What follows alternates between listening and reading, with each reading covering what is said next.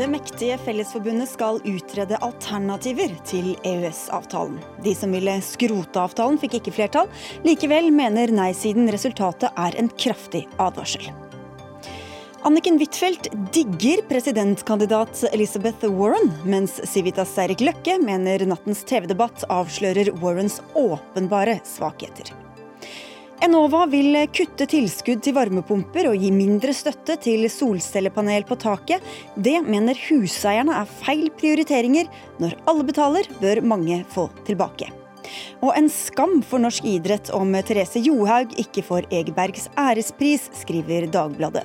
Norges rykte som antidopingnasjon er viktigere enn at hun får pris, er svaret fra Adresseavisen.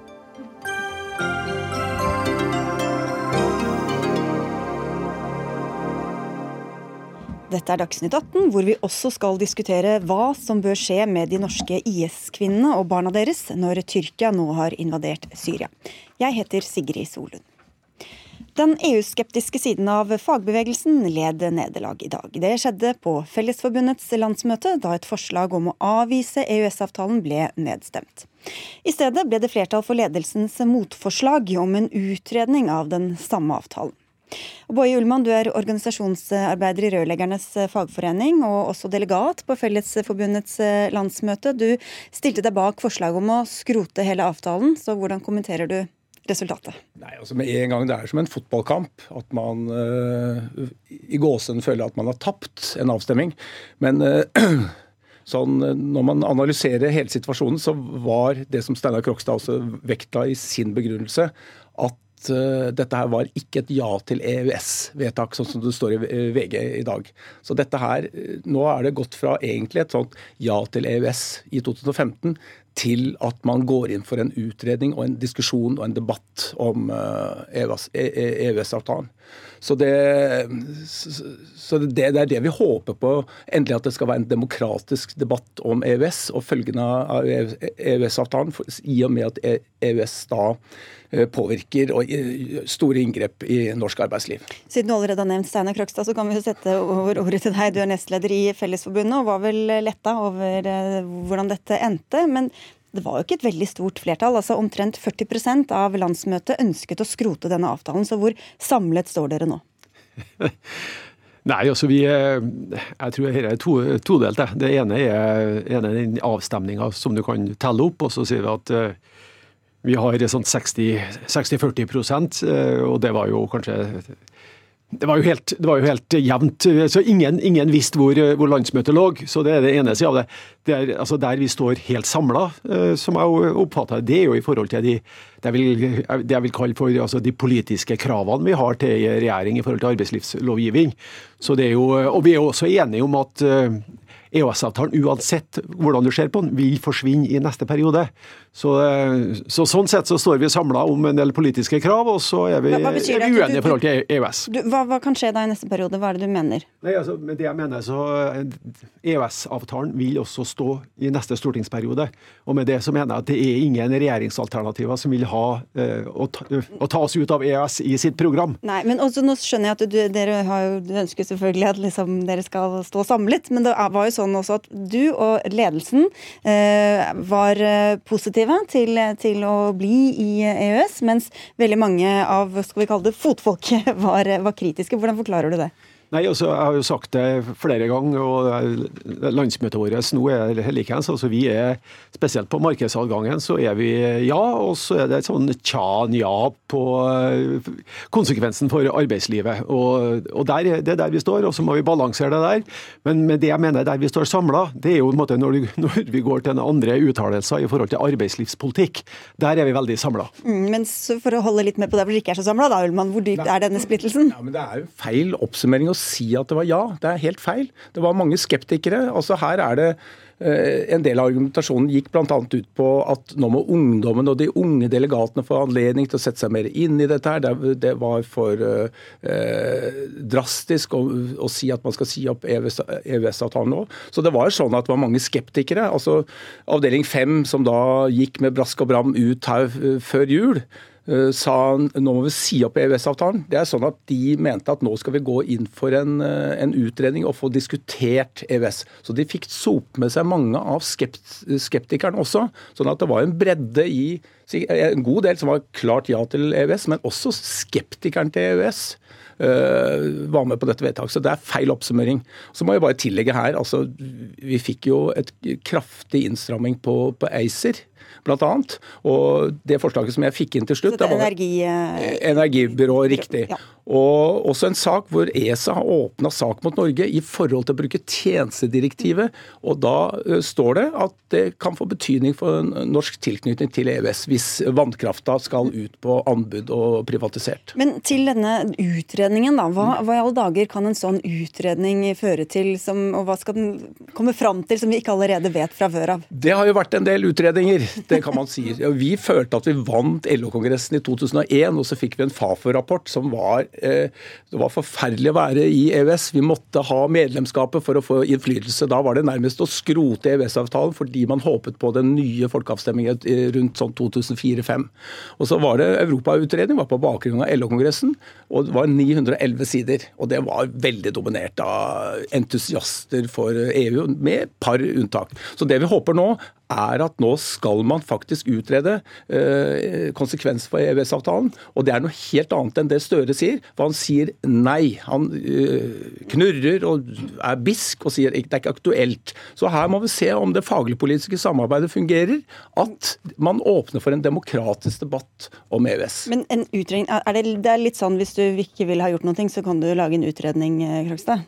Det er fullt mulig. Ja. Det er en taktikk som en kan benytte seg av enkelte ganger. Men, men her så vil jeg si at altså, vi har brexit, som er en ny sak som ikke har vært utreda tidligere. Vi vet ennå ikke hvordan den ender. Vi har, eh, vi har et nei til EØS-land midt i Europa, som er Sveits, som har en avtale som har utvikla seg. Og vi vet også at EU sin posisjon i forhold til avtaler er annerledes nå enn det var for 20-30-40 år siden.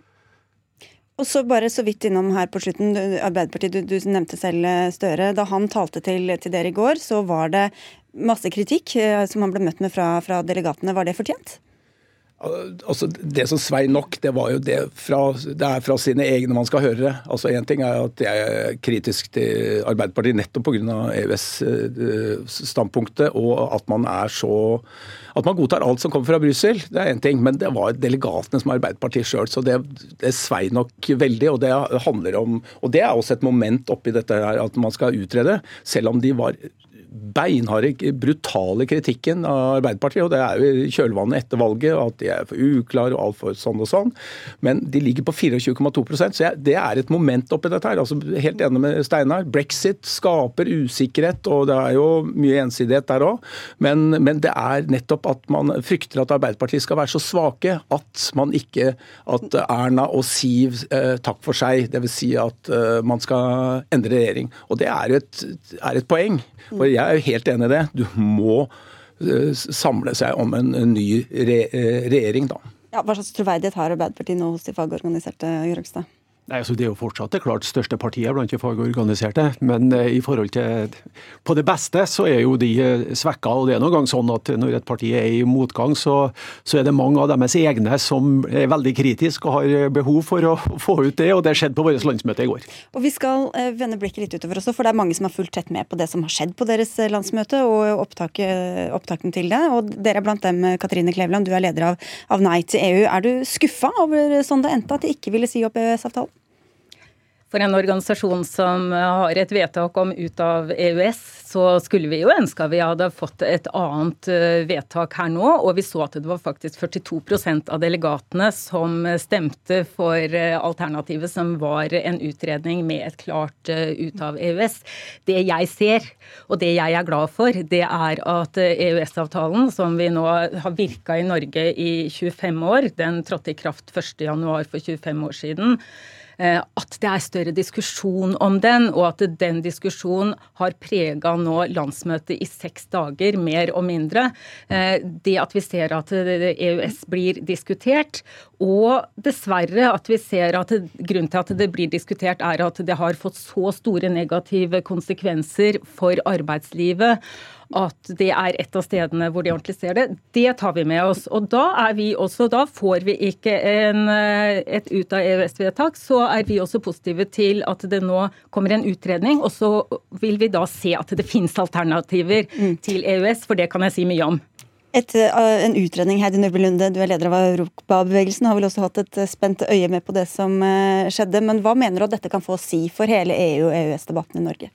Ja, Europabevegelsen er jo også veldig glad for at Fellesforbundet ramlet ned på utrednings, eh, et utredningsvedtak, og, som er helt i tråd med hva Europabevegelsen også har ønsket, faktisk. Å utrede alternativer til EØS-avtalen, der eh, fullt medlemskap i EU selvsagt skal være én av alternativene. For vi er veldig trygge på at Kan du ikke er... bruke noen av de gamle utredningene, eller? Vi kan bruke nesten alle de gamle utredningene, men eh, det som er den største bjørnetjenesten mot både europadebatten og debatten rundt EØS er jo nettopp å ikke diskutere. Så en revitalisert eh, europadebatt mener jeg at både EU-debatten og EØS-debatten har alt å tjene på. Fordi vi har tatt veldig mye av godene vi får gjennom et integrert medlemskap eh, via EØS-avtalen til EU, for gitt. Men, men, så er det også sånn at vi ser hvor motstanden kommer fra. og Det er de som merker denne konsekvensene i arbeidslivet hver eneste dag. Hva sier det deg? Mm. Og Det sier jo litt om altså Fellesforbundet representerer kanskje de som mest av alt opplever økt konkurranse, eh, sosial dumping og rent ut organisert arbeidslivskriminalitet som følge av at man har økt arbeidsinnvandring, men også eh, økt samarbeid over landegrensene. De andre som opplever konsekvensene av eh, EØS-avtalen, som går på jobb hver dag og er fornøyd fordi at de har trygge, stabile eh, arbeidsplasser, og, har, og hvor deres bedrifter er helt avhengig av den avtalen, de vet ikke at det er en av grunnene til at de kan gå trygge og fornøyde til arbeidsplassen. Så det er jo det å få fokus på det som har vært de negative delene av det, hvor Fellesforbundet representerer veldig mange av de utsatte bransjene. Og der tror jeg norske politikere bare må anerkjenne at man ikke har gitt overbevisende svar på de utfordringene som det har gitt de bransjene. Men EØS-avtalen, eh, e den, eh, den, er det jo mulig å, å, bytte ut med handelsavtaler. Og når du viser til, eh, til Sveits, så er det jo interessant i en helt ny EU-rapport som viser at det faktisk er Sveits som er det landet med handelsavtale som EU handler mest med. 24% handler de da med Sveits. Og de negative konsekvensene som EØS-avtalen har ved at vi daglig sier fra oss suverenitet, ved at vi tilknytter oss mange direktiver osv. Nå er det jernbanepakke fire som vil eh, knytte oss til anbudstvang for evig tid. Den har vi diskutert nylig. Ja. Den har vi diskutert. Eh, det er ACER som nå mm. jeg ser Jeg forstår ikke hvordan det vedtaket som Fellesforbundet har hatt nå, vil kunne leve i en EØS-avtale. Vi får ta egne debatter om det. Men, ja. men, men eh, Lunde, hva, altså, dere er også blitt beskyldt for at regjeringas politikk er vel så stort trussel mot, mot arbeids arbeidstakernes rettigheter som det EU og EØS er. Og du sa selv at det er noen som får merke konsekvensen av dette. Så hvordan skal dere bøte på det? Ja, Europabevegelsen har jo ikke makt til å bøte på det. og vi Nei, men nå var det regjeringa plutselig. Ja, ja, nå var jeg plutselig regjeringen. Eh, da kan det være greit også å, å, si det. Eh, nei, Europabevegelsen har jo i seg både altså et, et bredt spekter av, av, partier. Det vi er skjønt enige om internt hos oss, er at det er mange utfordringer også med et europeisk samarbeid og et fullt medlemskap. Men vi er også enige om at det løses best internt hos EU. Og vi ser også eh, at det er reelle politiske uenighet både mellom høyre- og venstresida her i Norge, men også internt i EU. Og Poenget er at vi utnytter det politiske handlingsrommet, men man er bare uenig i måten det utnyttes på. Så vi har et handlingsrom, og det er fint at vi får utredet det også i, i framtida. Og da har jeg lyst til å si, Det er 25 år siden vi sa nei til EU for andre gang. og Da er det jo noen av oss da som mener at denne EØS-avtalen som knytter oss nærmere og nærmere det enn EU vi har sagt nei til to ganger, det vil vi kvitte oss med. Men nå får vi en utredning, så da kan alle bare vente spent på den. Og så sier vi tusen takk til dere i mellomtiden, Katrine Kleveland, leder av Nei til EU, og Heidi Nordby Lunde her som leder av Europabevegelsen. Og til Steinar Krokstad, som er nestleder i Fellesforbundet, og til Boje Ullmann, som er fra Rørleggernes fagforening og Fellesforbundet.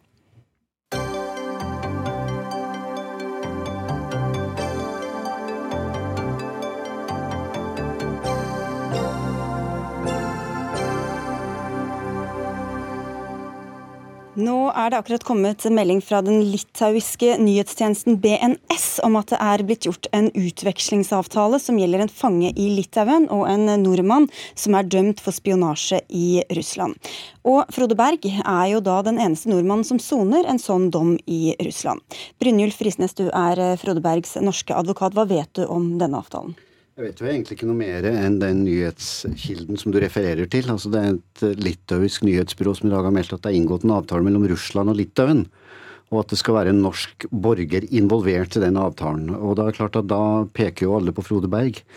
Eh, vi håper jo naturligvis at det er riktig, og at det virkelig foreligger en sånn avtale. Men jeg har ikke noen direkte kilder som bekrefter eller avkrefter det. Sånn at alle medier som nå rapporterer om dette, refererer egentlig bare tilbake til den samme litauiske kilden. Eh, så er det klart at det er mange som har spekulert i at dette er det scenarioet som kommer til å skje. Eh, fordi Norge ikke har noen å utveksle med, så må man involvere tredjeland.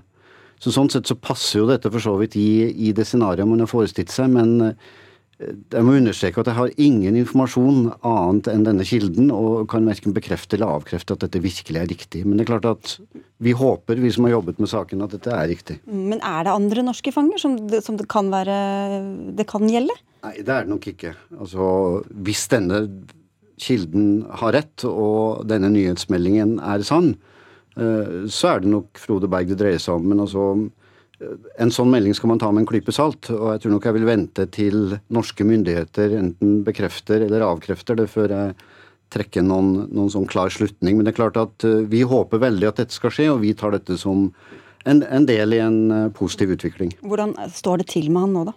Nei, Det er klart at han er uh, mer og mer fortvila og syns at det tar lang tid før det skjer noe. Og det er klart at uh, han vil bli jublende glad hvis dette er riktig, og det vil vi også. Så eh, vi får håpe det lengste at eh, nyhetsmeldingen er korrekt. Da får vi bare vente og se. Du får bare henge her på Marienlyst utover kvelden, så følger vi med. Takk skal du ha, Brynjulf Risnes.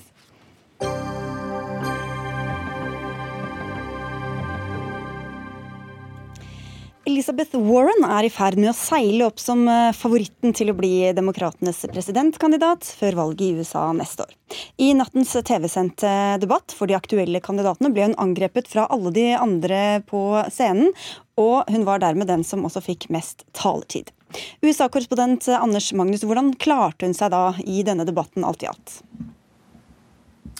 Hun klarte seg nok ikke så bra som hun burde ha klart seg. Hun ble angrepet fra svært mange, som eh, nå ser at hun er den ledende kandidaten.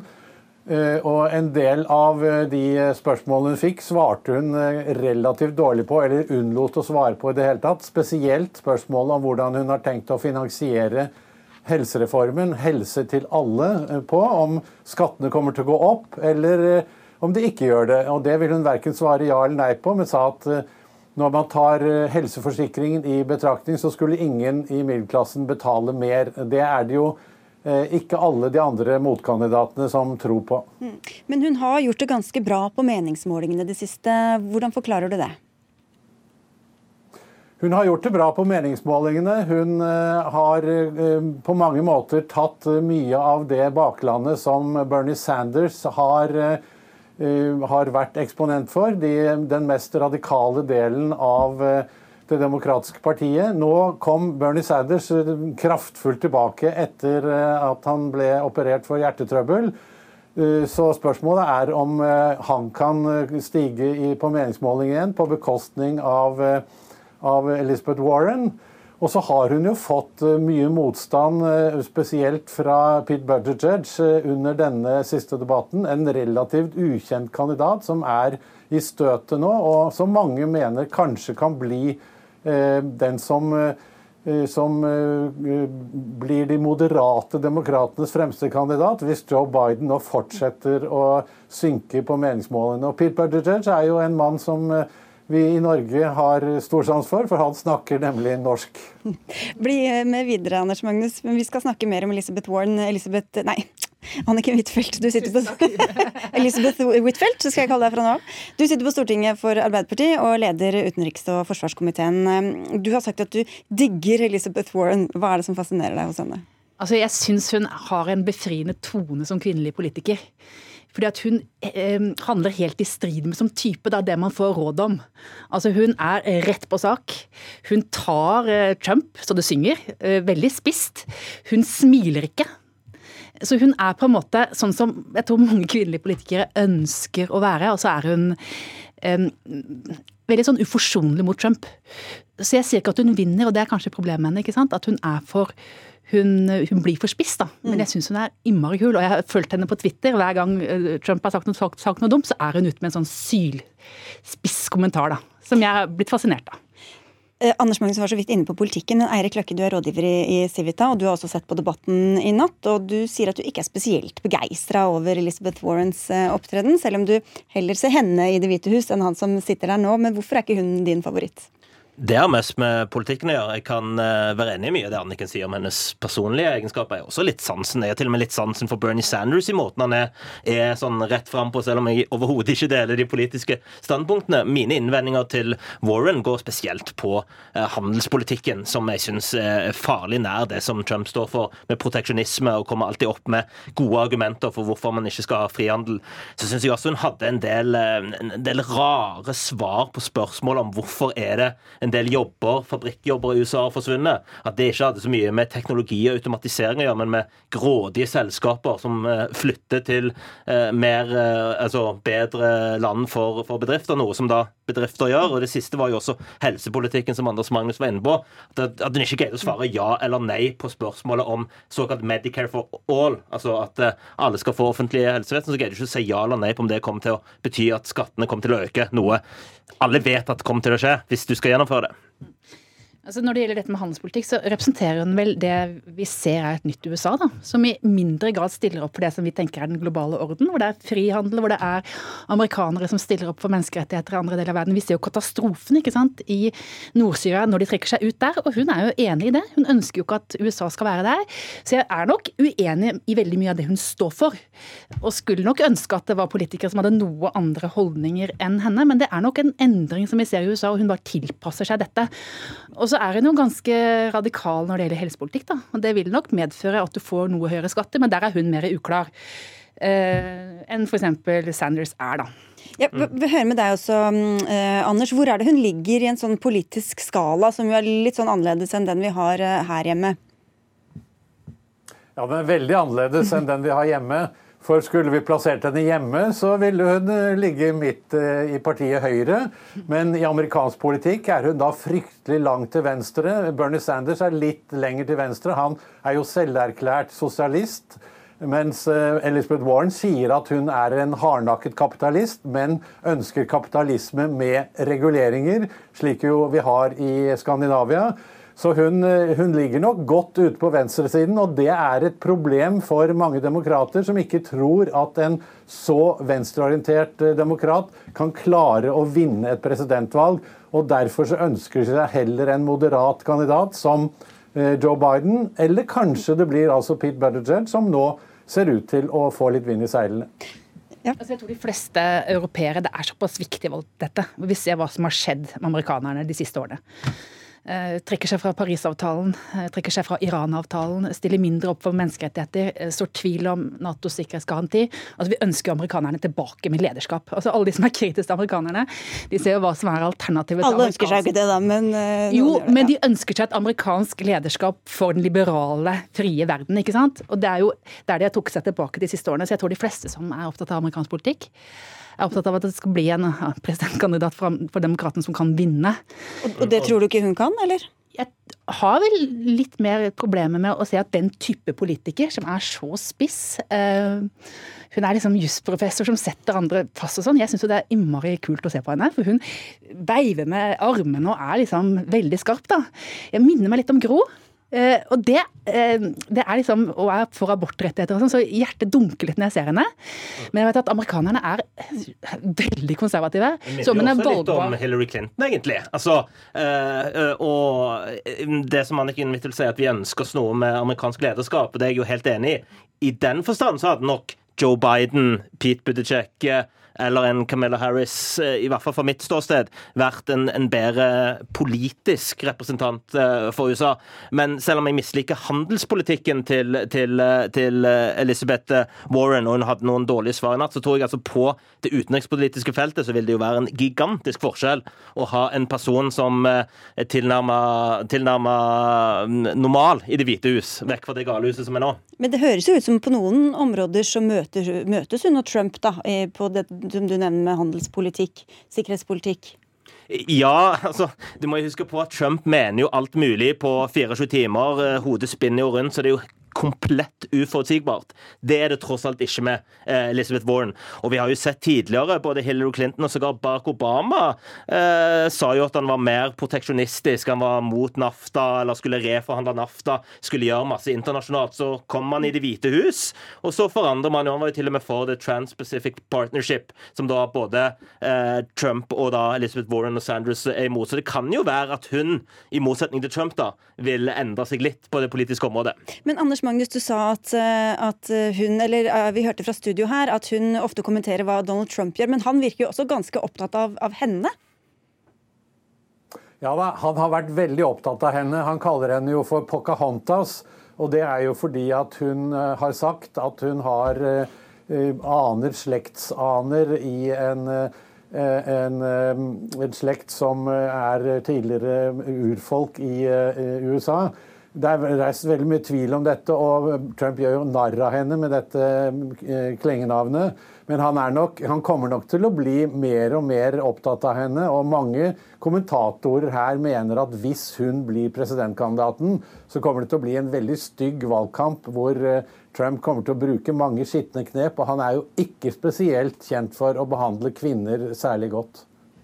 Det er sånn bullete atferd, da.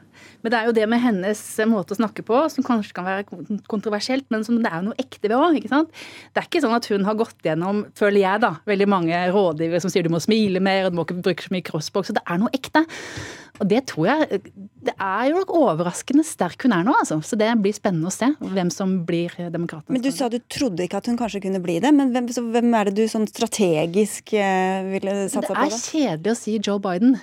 Eh, men nå er liksom veldig mye av politikken snudd på huet. Altså, jeg trodde jo ikke Trump skulle bli valgt. Jeg trodde det var helt umulig. Ja, du er ikke alene. ja. Og vi trodde han skulle moderere seg. Så nå er liksom litt sånn tyngdelovene i politikken Det at det lønner seg å gå mot sentrum, være mer samlende, det gjelder ikke helt lenger.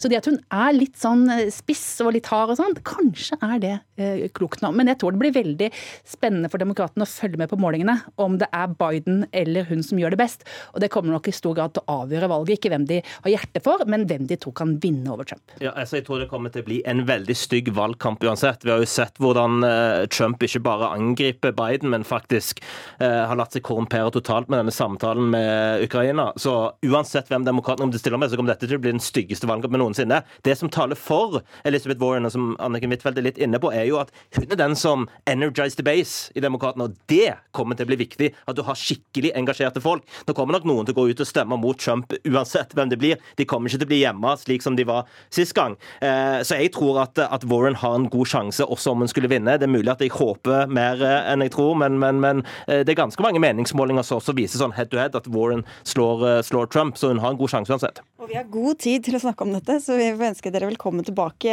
Eirik Løkke og Anders Magnus. Anniken Huitfeldt takker vi bare av midlertidig, for du skal snart komme tilbake i studio og avklare hvor Arbeiderpartiet står når det gjelder hva som bør skje med de norske IS-kvinnene og barna deres i Syria. thank you Hvem bør få støtte til energisparing fra Enova når alle er med på å betale inn penger til det statlige selskapet? Ved månedsskiftet varslet Enova at de vil endre på både hva som skal få støtte, og hvor mye støtte som skal gis til ulike tiltak til private husholdninger.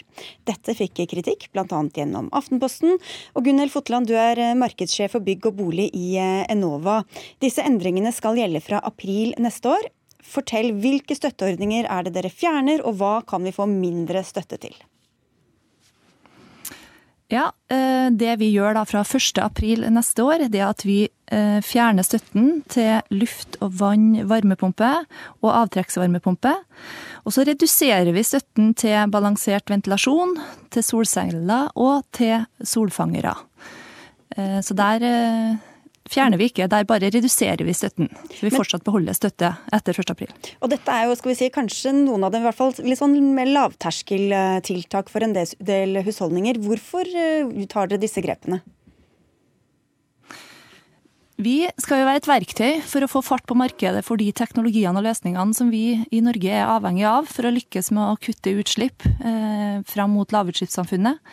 Og Derfor så følger vi også nøye med på markedet for de løsningene vi støtter. Og Nå ser vi at eh, volumet for solcelleanlegg annet, og for varmepumper har jo vokst veldig de siste årene. Og vi føler oss eh, rimelig trygge på at eh, når vi nå reduserer støtten, eller endrer støttesatsen, så vil det markedet fortsette å vokse, fordi at folk har eh, økt interessen for det, og prisene har også gått ned på sånne anlegg. Okay, så... Da er jobben vår gjort. Greit. Linda Ørsavik Øberg, du er energipolitisk rådgiver i Huseierne, tidligere Huseiernes Landsforbund. Dere ser ikke så blidt på denne omprioriteringen, hvorfor ikke det? Nei, vi misliker jo at Enova kutter i ordningene så snart man ser at eh, folk faktisk gjør de ønskede tiltakene eh, og tar støtteordningen i bruk. Eh, Enova sier jo selv at det er større fokus på energi og klima blant boligeiere, og at de må sørge for at pengene blir brukt der de trengs. Eh, og disse pengene er jo da 400 millioner som vi betaler inn over strømregningen, vi forbrukerne. brukerne. og det er nettopp her vi ønsker debatt. da. Hvor trengs de, hvem skal avgjøre det? Altså Er det hos folk flest, eller bare de aller største og dyreste tiltakene som de fleste ikke har mulighet eller råd til å gjennomføre? Det er den debatten vi har akkurat nå, faktisk. Men hvorfor, hvorfor skal Enova støtte et marked som tydeligvis kanskje kan klare seg helt på egen hånd? Ja, altså en, Først og fremst så skal Enova faktisk ha skryt for at de har økt utbetalingen til husholdningen det siste halvannet året. Um, her har de blitt flinkere, uh, men det er klart at det er 400 millioner. Så når de utbetaler 250, som er minimum, uh, så er det fremdeles mye penger å gå på. og når det er sagt da angående at de mener at disse ordningene klarer seg selv, og at de har fått godt fotfeste, så vil jeg minne om at vi så vidt har passert 2000 installerte solcelleanlegg på godt over ja, sikkert 1 million egna boliger. Um, og støtten og utbredelsen er mye lavere f.eks. enn i Sverige. Uh, så er, vi har mye å gå på her. Så spørsmålet er hva er godt fotfeste, og når skal det fjernes? Ja, for Hva tror du vil skje med hvor mange som nå vil ha solcellepanel på taket f.eks. Fotland, når dere gjør disse endringene? Du, jeg må jo bare si at vi tar jo ikke vekk støtten, vi reduserer den. Så Vi går jo fra 10 000 i grunnsats eh, per anlegg til 7500, så det er fortsatt en god del vi støtter. Og I tillegg så støtter vi jo avhengig av størrelsen på anlegget, opp til nesten 30 000 per anlegg. Litt avhengig av størrelsen. Ehm, sånn at vi følger jo nøye med på markedet, og derfor vi også foretar en dynamisk nedtrapping, som vi kaller det. Så vi tar ned gradvis, eh, avhengig av hvor fort vi ser eh, markedet vokse akkurat for den teknologien her. Og vi, har, vi følger jo med markedsutviklinga nøye når vi gjør sånne ting. Men hva, hva er det som skal få mer støtte, da? Ja, Det er jo et veldig godt spørsmål. For vi har jo satt av 250 millioner i året som skal gå direkte tilbake til forbrukerne. Eh, I tillegg så eh, støtter vi jo tiltak ellers i næringslivet innenfor industri og bygg og transport, som også kommer forbrukerne til gode. Eh, og da vurderer vi jo, avhengig av hvordan vi får allokert den ramma på 250 millioner, hvilke teknologier vi skal støtte enhver tid. Hva det vi ønsker å se mer av ut i markedet. Så Sånn sett så kan jo forbrukerne glede, glede seg til kanskje nye tiltak i året som kommer. Det får vi komme tilbake til. Og Det ligger, det ligger jo i, i, oppdraget. De skal støtte den teknologien som ikke ennå kan stå på egne bein, men som trenger et lite dytt for å få, få et marked der ute. Ja, absolutt, men det ja, ja, vi, skal, vi skal, få høre fra Auberg her. Ja. Ja, absolutt. Men det sier eh, De har jo også som eh, formål å eh, sørge for energiomstilling i husholdningene. Så dette er jo bare en del av det. Så man kan diskutere på en måte hvor mye man skal legge trykk på de teknologiene som er i startfasen, eller om det kanskje har mer hensikt å støtte det som folk flest faktisk bruker og eh, har behov for å få støtte til. Eh, og vi snakker med mange, og mange synes at ordningen i dag ikke støtter de tiltakene som folk flest gjør og har råd til. Og det er også mye usikkerhet rundt hvordan eh, ordningen fungerer, om man får støtte. Eh, man får støtte i etterkant istedenfor i forkant. Eh, så vi tenker jo at når pengene ikke blir delt ut De sitter jo med en pott penger eh, som faktisk ikke blir delt ut, som ingen gjør krav på, eller får, de får ikke pengene. Så da må jo man kunne tenke at terskelen for å oppnå støtte kanskje er for høy, mm. eller så er den dårlig tilpassa slik den er i dag, mener vi i Huseierne. Ja, nei, Den ramma på 250 millioner, det er det jo eh, eieren vår, Klima- og miljødepartementet, som har sagt at det er den summen vi skal sette av til direkte eh, rettighetsbaserte ordninger for eh, forbrukerne. Eh, og så eh, må jeg jo si at statsstøtte er jo knytta til et regelverk som sier at vi kan jo ikke gå inn og støtte ting som allikevel skjer. Det vil jo være konkurransevridende i et marked å være med å subsidiere teknologier som markedet velger av seg selv. Så det vi bruker statsstøtte, den måten vi bruker det på, er jo at vi kompenserer for den merkostnaden det betyr å være tidlig ute med noe som er dyrt.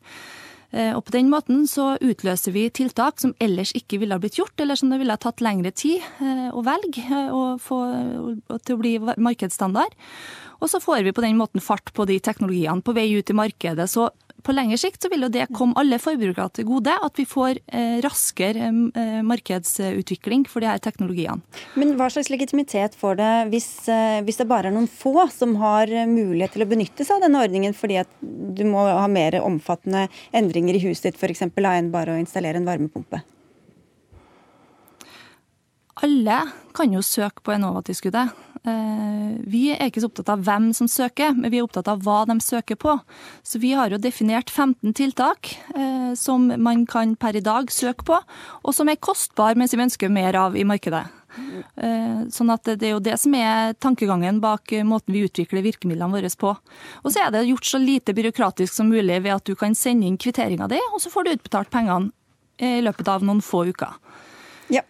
Ja, eh, Avslutningsvis så syns jeg det er gøy at man snakker om statsstøtte. fordi Hadde dette vært over skatteseddelen, så hadde det vært én ting. Men dette er jo penger vi betaler inn over strømregningen. Eh, og det blir noe helt annet. Og de pengene mener vi i sin helhet. De 400 millionene boligeierne betaler inn, eh, det bør i sin helhet gå til tiltak i folks boliger.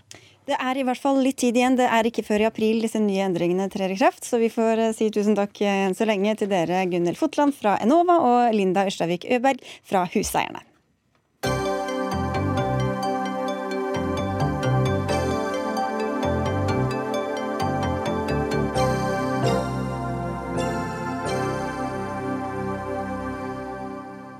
Spørsmålet om hva som skal skje med de norske IS-kvinnene og barna deres er blitt enda mer aktuelt etter at Tyrkia gikk til angrep på Nord-Syria. I Stortinget i dag tok Arbeiderpartiet saken opp i spørretimen. Nord i Syria ligger nemlig disse leirene som huser de mye omtalte norske familiene. Og snart skal vi høre fra politikerne, men først til deg, Øystein Mjærum. Du er kommunikasjonsdirektør i Røde Kors. Og dere forteller NRK i dag at dere i lengre tid har tilbudt regjeringa å hente ut disse norske borgerne, sist i september. Hva har dere fått til svar? Jeg vil ikke gå inn i detaljer i dialogen vi har med norske myndigheter eh, om dette. Eh, men vi er jo til stede på bakken. Eh, den internasjonale Røde Kors-bevegelsen og Røde Kors i Norge driver et feltsykehus ved Al-Hol-leiren. Våre helsearbeidere forteller til oss at hver eneste dag nå så ser de og behandler de barn som kommer til å dø hvis de ikke får mer helsehjelp. Nå er vi i en situasjon hvor vi ser at flere og flere humanitære organisasjoner må trekke seg ut. Så helsetilbudet er nå dramatisk forverret. Vi er snart den eneste humanitære organisasjonen igjen i dette området, sammen med Syrisk Røde Halvmåne. Vi kjenner til alle de praktiske utfordringene eh, det er, og sikkerhetsmessige utfordringene. Selv med de utfordringene så mener vi at det er praktisk mulig eh, å få hjem de familiene som ønsker det. Vi har tilbudt vår bistand, og vi mener at dette utelukkende er en politisk beslutning og ikke et praktisk problem. Men samtidig så er jo dette en situasjon som utvikler seg hele tida. Så hvordan, øh, hvordan påvirker det muligheten for å hente disse menneskene hjem? Det er nok en reell fare for at uh, handlingsrommet for hva man eh, kan gjøre, krymper for hver eneste dag som går. Derfor haster det. Derfor er vi veldig glad for at det kom signaler før helgen på at det nå endelig ser ut til å være et politisk flertall i Stortinget uh, for å ville hjelpe de familiene som trenger det. Dette er en kjempehumanitær utfordring. Røde Kors-bevegelsen har bedt alle europeiske land om å få sine egne borgere hjem nå. Og Hvor mange er det snakk om da for Norges del? For Norges del er det svært, svært få. Eh, PST har jo gått ut med, med noen tall. Eh, men eh, vi kan ikke gå ut med hvor mange norske familier vi eh, behandler eller er kjent med i denne leiren, men vi kan si at eh, det dreier seg om et svært lite antall norske familier. og vi mener jo at dette dreier seg først og fremst om de få norske familiene som selv ønsker å komme hjem. Det er da norske myndigheter har et spesielt stort ansvar, og det er fullt mulig å få til hvis det er politisk vilje. Og Da er det kvinner og barn vi primært har snakket om. Er det bare kvinner og barn som er i disse leirene, eller er det også tidligere IS-krigere, mannlige IS-krigere? Ja, eh, I leirer i området i eh, nordøst-Syria så er det jo eh, mange forskjellige altså. typer type leirer. Eh, den leiren som det snakk, har vært mest snakk om i norske medier, Al-Hol-leiren, består hovedsakelig av kvinner og barn. Eh, kanskje ca. 80 000 eh, barn, hvorav 40 men nå oss snakke om de norske, da. Ja, de, eh, de, norske befinner seg også i ulike eh, leirer. Og det finnes da egne interneringsleirer eller fengsel for mannlige fremmedkrigere i dette norske området. Norske mannlige fremmedkrigere? Det kan ikke vi si noe om. Nei. Eh, takk skal du ha. Det er ofte vanskelig å få klare svar i denne saken, eh, har vi merket gjennom noen uker nå. Eh, Anniken Huitfeldt, du er leder i utenriks- og forsvarskomiteen eh, igjen eh, for Arbeiderpartiet, og du stilte tre spørsmål til utenriksministeren i Stortinget i dag. Et av dem gikk på muligheten for å hente IS-fanger hjem, bl.a. da til Norge. Hvem var det du tenkte på da? Dette er jo flere diskusjoner. Det er noen som hevder at vi skal ta alle IS-krigerne hjem, og så straffeforfølge dem hjemme. Det er det ingen europeiske land som gjør nå. Så det er jeg ikke tilhenger av. Det mener jeg ville være galt. Men jeg mener allikevel at uh, regjeringa, og det avviste verken justisministeren fra Frp eller utenriksministeren fra Høyre i dag, basert på humanitært grunnlag skal gå gjennom hver enkelt sak blant kvinner som er der med barn i flyktningleirer, og spør om det er grunnlag for å hente dem hjem. Så jeg vil bare at vi skal vurdere hver enkelt sak individuelt, og ikke utelukke det som en mulighet. Vi vet jo at situasjonen i disse flyktningleirene har blitt verre. Vi vet at vaktholdet har blitt dårligere, og veldig mange av soldatene som før har vært satt til å passe på leiren, nå flykter de til å kjempe mot tyrkiske styrker. Så jeg mener at UD må ha denne muligheten. Men, men, hvordan stemmer det overens med det du tidligere har sagt, at du ikke vil ha en sånn saksbehandling uh, i, i Stortinget eller fra norske myndigheter? Nei, det er nettopp det. Nå fremmer jeg De Grønne et forslag om at vi skulle hente hjem den ene familien. Og jeg synes Det er veldig galt at jeg skal sitte på Stortinget basert på nyhetsartikler og si at den familien, den skal hjem. Det er det UD som har den totale oversikten over. Så jeg er veldig imot at Stortinget skal eh, enkeltbehandle, enkeltbehandle hver enkelt sak, men jeg er veldig for at UD skal ha alle muligheter. Så regjeringen skal enkeltbehandle?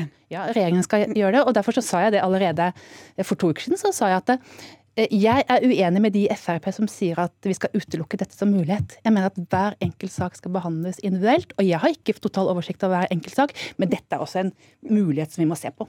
Men, men hva skal da uh, hva skal vurderes? Hva skal, hvordan mener du at liksom, dette humanitære altså Er det faren for at de kan dø? Er det helsetilstand? Hva er det som skal ligge i potten her? Ja, og Det må være en total vurdering.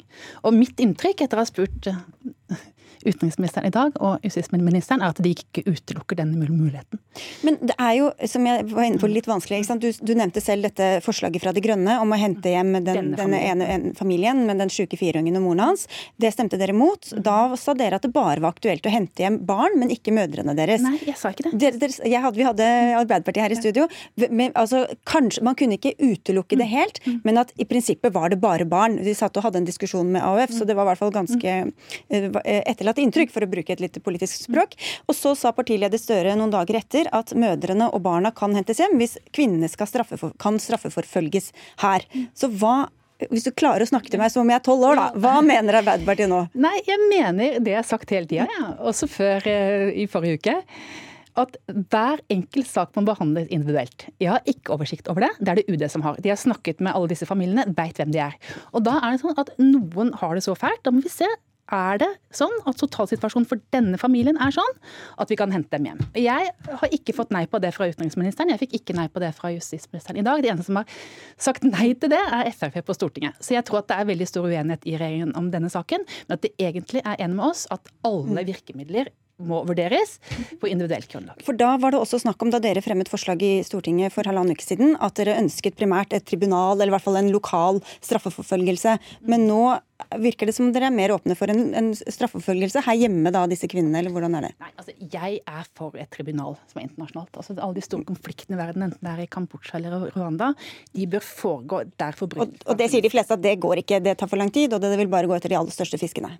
Ja, og derfor så mener jeg at hvis det er sånn at jeg mener det er veldig galt at Norge sier ja, men nå snur vi på flisa totalt, nå gjør vi noe helt annet enn det Sverige gjør, Danmark gjør, Tyskland gjør. Vi straffeforfølger IS-krigere her hjemme. Eh, da mener jeg at hvis Hvorfor er det galt når vi har en annen jeg, lov på dette området også enn det de andre landene har? Jeg mener at Da må vi gjøre det som en del av en internasjonal løsning hvor flere land gjør det samme samtidig. Jeg syns det er veldig galt at Norge skal gjøre noe helt på egen hånd. Hvis det er sånn at vi sier at nå skal de, de verste krigerne de skal straffeforfølges i Irak, kanskje vi får til det. Så kanskje at noen land, f.eks. de landene vi samarbeider mest med, hvis vi får spørsmål fra kurdiske selvstyremyndigheter om at vi skal ta dem hjem og straffeforfølge dem her, så bør vi gjøre det. Vi har invitert utenriksministeren og statssekretæren i UD, og vi har invitert justisministeren. Ingen av dem kunne stille, men du er her, Jon Helgheim fra fra Fremskrittspartiet og er innvandringspolitisk talsperson. Eh, hva, hva, mener du om altså Du sier at Arbeiderpartiet har snudd i denne saken, men her hører vi at hun har sagt det samme hele tiden. Ja, nå, De som hørte nå, de er nok mer forvirra eh, etter at Anniken Huitfeldt eh, sa dette, enn før. Fordi her har jo eh, tre forskjellige personer fra Arbeiderpartiet sagt tre forskjellige ting, og det snus hele veien. Nå var det først sånn at det ble sagt nei til Stortinget til å behandle enkeltsaker, og at Stortinget ikke skal behandle disse sakene i det hele tatt. Kort tid etterpå så går Støre ut og sier at nå mener han plutselig det er flertall på Stortinget, akkurat som det skulle ha noe å si. Til å be regjeringen om å vurdere det, da? Ja, og det skal ikke eh, Stortinget behandle. så Stortinget har ingen sak på bordet som skal behandle noe sånt. Og så eh, går jo Anniken Huitfeldt i spørretimen i dag. Eh, hun nevnte ikke mødre med et ord. Hun nevnte ikke barn med et ord. Hun nevnte fanger og menn og kvinner som har kjempet for IS. Det var det eneste hun nevnte i Stortingets spørretime i dag. Og dermed blir forvirringen komplett. Og jeg tolker det som at nå har Arbeiderpartiet snudd trill rundt fra å ikke ikke ønske å hente mødrene, til å si at nå eh, er det snakk om de som har kjempet for IS, kvinner og menn. Det var det som ble sagt gjentatte ganger jo, eh, på talerstolen i dag. Eh, og det, Da skjønner jeg at folk blir forvirra. Jeg har sagt det samme hele tiden. Og jeg har sagt også at jeg ser ikke bort fra at man skal hente hjem enkeltpersoner. Det har jeg sagt de siste ukene. Men det som, La meg få snakke ferdig. Det som er problemet her, er jo at regjeringen ikke ønsker å stille at de har sagt veldig mye forskjellig. Og at verken justisministeren i dag fra Frp eller utenriksministeren utelukka det som jeg sier. Vi må behandle hver enkelt sak individuelt. Er det en familie som, som, sliter voldsomt, hvor det er fare for liv og helse, da må det være basert på enkeltvurdering av hver enkelt sak. Det avviser verken justisministeren eller utenriksministeren. Men, men når du brukte ordet IS-fanger eller ISIL-fanger, var det da disse kvinnene du snakket om, eller hvem er det du egentlig refererte til da? Jeg tror vel det de fleste tenker på når man behandler, snakker om å behandle enkeltsaker, det er de som har barn i disse leirene. Ja, men Du spurte om ISIL-fanger, spurte du om i Stortinget? Ja, jeg spurte om det grunnlag for å få et tribunat lokalt. For det er jo det som er poenget, at jeg ønsker at man skal få på plass det. At det må være førsteprioritet, at man får på plass en måte å straffeforfølge hver enkelt. Og det var utgangspunktet for mitt spørsmål okay, i spørretimen i dag. Så det handlet ikke om disse kvinnene og barna? Jo, det handlet om både muligheten for å straffeforfølge eh, de som har begått disse krigsforbrytelsene. Det er en fordel om det skjer lokalt. Hvis flere land bestemmer seg for at nei, nå skal vi ta igjen flere og straffeforfølge dem her, i avtale med, med, kurdiske myndigheter, så er jeg for det. Men det syns jeg ikke Norge skal gjøre på egen hånd. Og så er jo spørsmålet, eh, som verken utenriksministeren eller justisministeren avviste, men som du har en helt annen oppfatning av, da, for Frp driver ja, det kan Helga få svare på. fordi at dere, Det ble ikke avvist. Er det aktuelt for regjeringa å gjøre sånn som Arbeiderpartiet spurte om da? Ja, for det første så pleier jeg å huske ganske godt hva folk sier, og i tillegg har jeg sett i to ganger i opptak etterpå. og Anniken, Anniken Huitfeldt, og alle kan gå inn og se dette, nevnte ikke barn, nevnte ikke mødre. Hun nevnte bare de som har kjempet for eh, IS, og de som er IS-fanger. Og det er men, med god grunn med at ja, man reagerer da, for det Men til, til saken, da, er det aktuelt for altså Ettersom regjeringa da, eller regjeringens representanter ikke avviste dette, er det aktuelt å ta dem hit og straffeforfølge dem her? Frp er sterkt imot å hente personer Ja, som har kjempet jo for IS. Du representerer et regjeringsparti. Jeg vet ikke om du kan Ja, og jeg kan, jeg kan selvfølgelig ikke gå inn og så si noe om disse vanskelige prosessene som eh, regjeringen driver med. Det kan ikke jeg eh, gjøre nå. Eh, Men her har vi blitt utfordra flere ganger på hva Frp mener. Og Frp mener at vi må sette norske innbyggeres sikkerhet først. Det må trumfe andre hensyn. Det å hente medlemmer av IS tilbake til Norge, det vil være å sette norske Mm. borgere i fare. Og det ønsker ikke vi å gjøre. Det må settes i høysetet. Men- Men vi ønsker å hjelpe barnet. Og vi har sagt at vi vil gjøre alt eh, for å hjelpe det syke barnet eh, tilbake til. Norge. Mm. Og da syns jeg flere burde støtte opp og be den moren om å sette barnets hensyn foran sine egne behov. Og det er det mange som har gjort, men jeg bare lurer på en ting. det fordi det er, det, som er, det er mange som har, har begynt å rømme fra disse leirene også. Eh, hvorfor er det bedre at de eventuelt kommer på frifot, så- enn at de blir tatt til Norge og eventuelt tiltalt og dømt her? Det beste er, og det er et vanlig anerkjent internasjonalt, eh, internasjonalt rettsprinsipp, at eh, forbrytelser skal straffes der de har blitt begått. Eh, og det jobber vi primært for. Ja, men nå vet jeg at samtidig, Det er en situasjon på bakken hvor det, altså, det tar så lang tid at det, de, de er jo over alle vinder før den tid eh, Det vet man ingenting om. Det er er spekulasjoner i alle retninger, og det er selvfølgelig ingen som kan spå noe konkret i det nå. Men det viktigste er likevel, eh, som politikere i Norge, å sette norske innbyggeres sikkerhet i høysetet. Det er det behovet som må komme først. Hvis vi henter eh, potensielle terrorister tilbake til Norge, så vil det være å utsette norske borgere for risiko. Og da har man egentlig ikke løst så veldig mange problemer. Og det tror jeg de fleste vil være enig i at det trenger man ikke å gjøre. Men man kunne her kjørt en linje for å hjelpe barna, men det er det bare Frp som har stått Ja, er, på den linja. Okay. Merum, du vil egentlig ikke være med i debatten, men er på Stortinget, da. Ja, vi er de eneste som kjører den linja og Ja, setter press på at mor må nå sette barnets jeg beste tror andre vil være uenig uenige med deg der, men vi skal få slippe til helt på toppen her. Denne diskusjonen her eh, viser jo at eh, vi i Røde Kors har rett. Dette er utelukkende et, et politisk spørsmål om eh, vilje og hva man skal prioritere. Vi anerkjenner at det er sikkerhetspolitiske hensyn eh, man må ta her, men vi har stor tro på at rettsstaten Norge vil kunne følge opp også disse mødrene på en eh, svært forsvarlig måte hvis de bringes hjem. Og nå har det gått seks, over seks måneder siden det ble offentlig kjent at det er en fireåring som holder på å dø eh, i en leir i Syria. Og det er en skam at Stortinget og regjeringen ikke har vist politisk mot og evne til å redde disse familiene. Vi har forsøkt å få regjeringsmedlemmer fra ja, altså her i flere uker, men vi får håpe i hengende snøre. Så får vi si tusen takk til dere som faktisk kommer. Annike Huitfeldt fra Arbeiderpartiet, til Jon Helgheim fra Fremskrittspartiet og til Øystein Mjærum fra Røde Kors.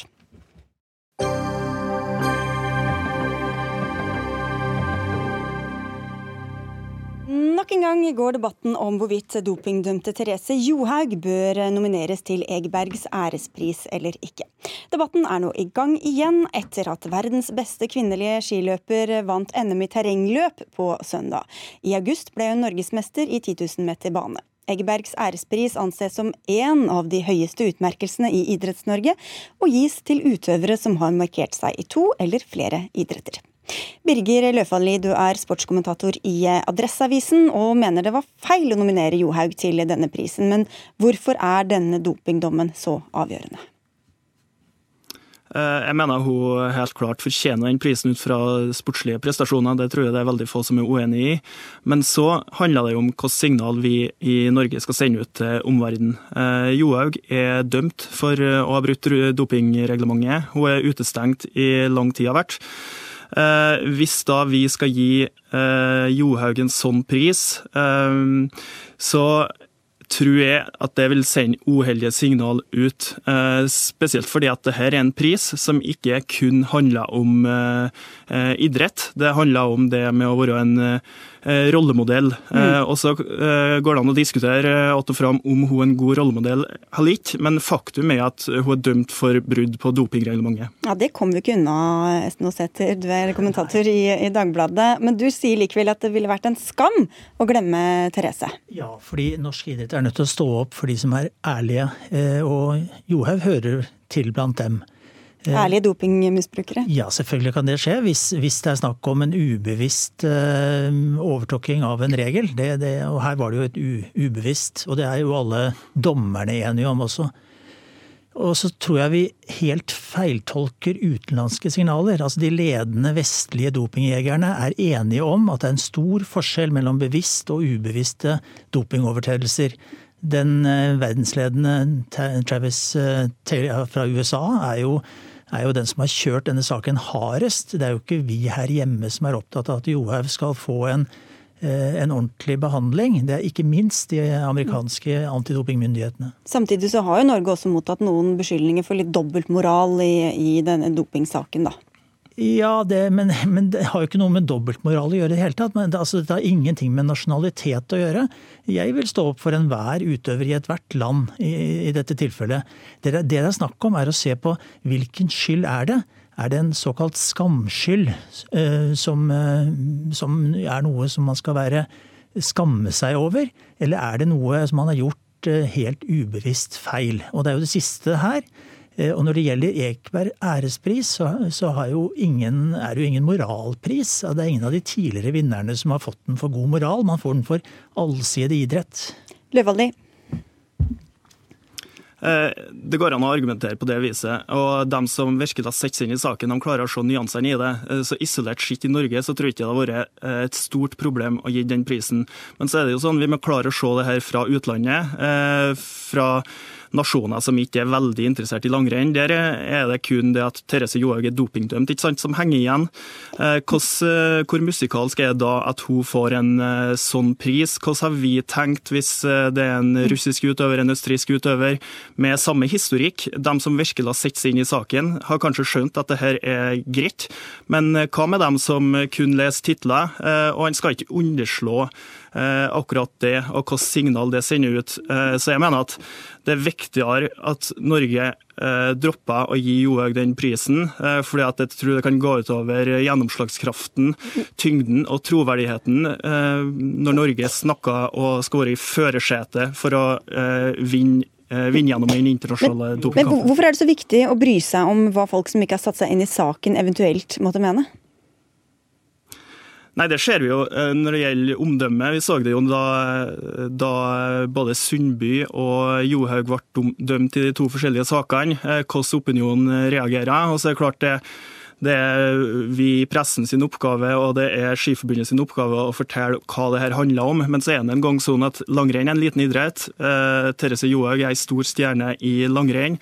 Men veldig mange i utlandet får med seg at eh, en av de største stjernene i norsk langrenn er faktisk dømt for doping. Jeg, jeg syns du argumenterer veldig godt for at hun bør få den prisen, jeg. For det er klart at eh, vi kan ikke basere vår antidopingpolitikk på hva overskrifter måtte, måtte, få folk til å tro. Vi er jo nødt til å, til å gjøre det på, på, faktagrunnlaget i saken. Og faktagrunnlaget er helt åpenbart. Er, ingen tror hun er skyldig i, i, noen ting eh, når det gjelder utenom å ha overtrådt en regel. Ingen tror hun har noe bevisst skyld. Det er alle dommerne enige om. Og da kan ikke vi prøve å lage en pris for god moral. Det, det blir helt feil. Eh, det er ikke det Ekebergs ærespris er. Hvem, hvem, hvem skal begynne å, å, vektlegge hva som er greit og hva som ikke er greit, og hvor, når du burde tatt ansvar for å sjekke, og når du ikke burde tatt ansvar for å sjekke? Du må ta ansvar for å sjekke. Det er jo ingen tvil om at hun har gjort en feil, og den feilen er hun, den feilen er hun dømt for. Og det er helt riktig at hun skulle bli dømt for den feilen. Der er jeg jo helt, helt på den siden. Men vi må skjønne hvilken type feil det er. Hvis vi begynner å dømme folk så hardt for vanlige tabber som du og jeg kunne gjort uh, uten videre, så, blir, så, kommer vi helt feil ut. Og det er det vi gjør i denne saken. Hvis vi ikke lar Therese Johaug få denne prisen, så sier vi at uh, hun ikke er verdig til å få den. Og da er vi inne og vurderer en type moral som blir helt feil. Moral, eh, Løfolli? Poenget er jo at eh, det er bevist at hun har det stoffet. Eh, hvis vi ser f.eks. på en del eh, russiske langrennsløpere som var utestengt i flere mesterskap, der de ikke fantes et eneste bevis, hvordan skal vi behandle dem? Hvordan har vi sett i Norge hvis at de har fått en lignende pris? Jeg tror at Norge står seg stødigere med å droppe å gi Johaug den prisen. Og det handler jo bl.a. om at Norge skal være helt i bresjen i antidopingkampen jeg tror at de signalene som blir sendt ut, de kan svekke troverdigheten og tyngden når Norge snakker internasjonalt. Og fasiten på hvem som får Eggbergs ærespris får vi vite først ut på vårparten neste år. Takk skal dere ha begge to, Birger Løfaldli som er sportskommentator i Adresseavisen, og Esten Aasæter, sportskommentator i Dagbladet. Dagsnytt 18 er ved veis ende. Det var Anne Katrine Førli som hadde ansvaret for innholdet i den. Finn Lie hadde det tekniske ansvaret. Jeg heter Sigrid Elise Solund, og vi høres igjen i morgen.